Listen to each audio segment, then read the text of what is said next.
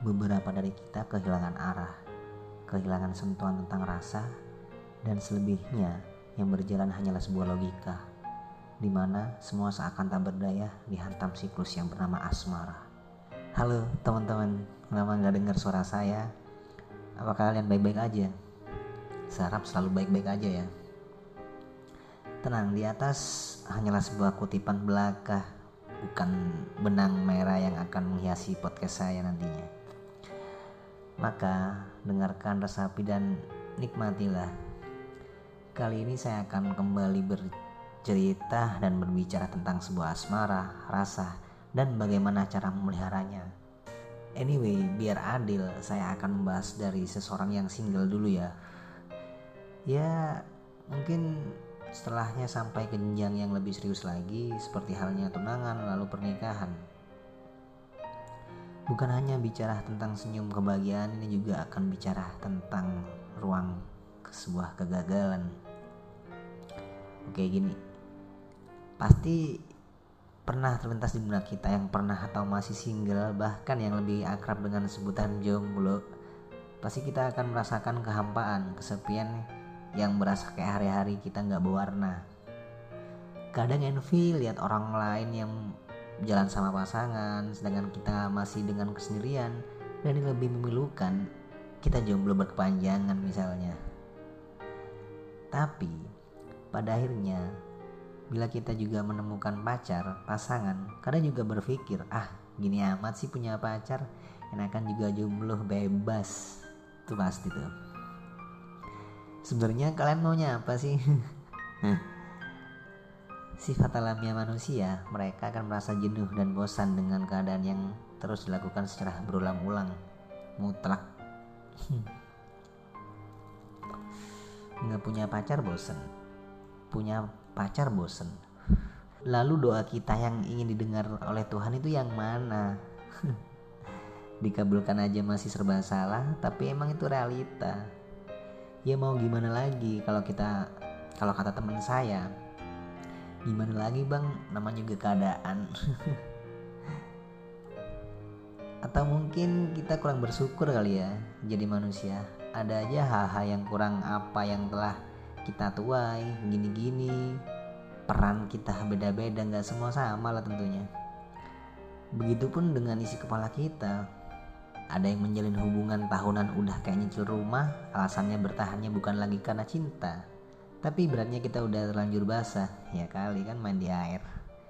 Kita udah tahu baik buruknya pasangan kita. Kalau diakhiri dan cari pengganti, belum tentu kok itu bisa uh, sebaik dengan pasangan kita yang sebelumnya. Ya emang sih penyesalan itu nggak bakal ada di awal, pasti di akhir ada lagi yang sudah saling mendoakan satu sama lain, sudah saling jatuh cinta satu sama lain, namun pada akhirnya dipisahkan oleh takdir. Apa kalian? Menunggu jodoh itu ibarat nunggu kematian, kita nggak bakal sampai kalau kita belum ditakdirkan. Anyway, koreksi ya kalau salah. Lantas bagaimana membangun sebuah hubungan yang layak ke depannya? Menarik nih. Pertama, buat cowok ya, pernah nggak kalian lagi kencan sama pasangan tapi duit kalian mepet banget dan dengan sok-sokannya kita nawarin beli sesuatu pada akhirnya udah beli habis itu habis banyak lah intinya ya dan sampai rumah kita mikir lah buset duitku habis nih ini jatah makan buat seminggu. Gila maklum lah anak kos kan. Hmm. atau ada pula yang rebutan mau bayarin udah gantian aku aja yang bayar. Udah aku aja. Ya gitu-gitu aja lah intinya. Atau mungkin udah ada yang membuat kesepakatan satu sama lain misalnya sayang kalau kamu nggak ada duit pakai duitku dulu ya. Nanti kalau aku nggak ada duit aku pakai duit kamu. Tapi mayoritas cowok itu gengsi. Pasti nggak mau dibayarin. Tapi nggak tahu lagi sih sifat alamiah cowok itu biasanya kayak gitu gengsi. Tapi ada pula sih yang juga mauan. Mauan dalam arti uh, cari untung kayak gitu sih. Jadi kalian tipe yang mana nih? Jaim, gengsi atau fair dan terbuka satu sama lain? Ada pula terkadang yang nggak bisa ngertiin satu sama lain, udah tahu nggak punya duit masih aja ngajak jalan, ngajak makan dan kencan. Apalagi anak kosan nih, duit jatah seminggu habis dalam waktu semalam. jujur ya saya juga pernah ngalami hal yang sama kita senasib ya Menurut saya, semestinya kita harus tahu kondisi satu sama lain, misal tentang keuangan, perasaan, bahkan urusan pribadi satu sama lain.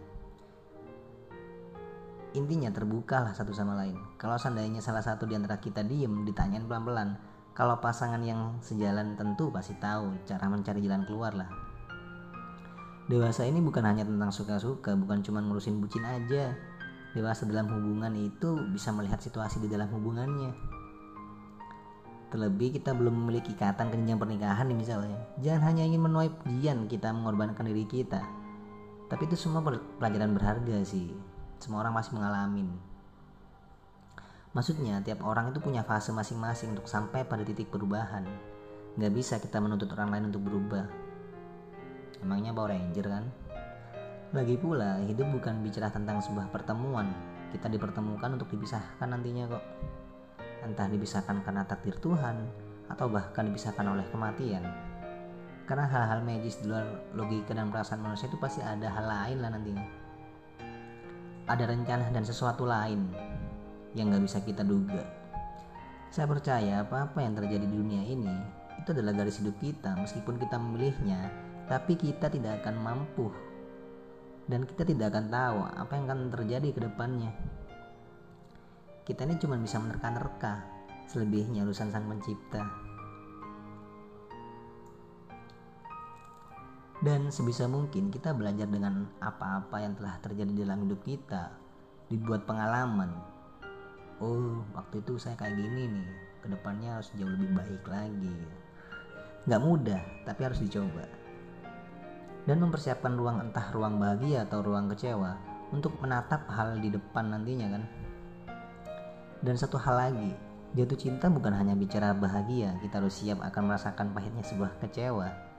Semoga kita bisa melewati hal-hal yang menurut kita berat ya di depan. Dan semoga kita bisa lapang dada menerima apa-apa yang sudah digariskan oleh Sang Pencipta. Oke, sekian diskusinya. Kesimpulannya ada di kalian. Intinya hidup ini pilihan. Dan jangan pernah memaksakan sesuatu yang seharusnya kalian nggak bisa dan kalian paksa no itu pilihan kalian sampai jumpa di podcast berikutnya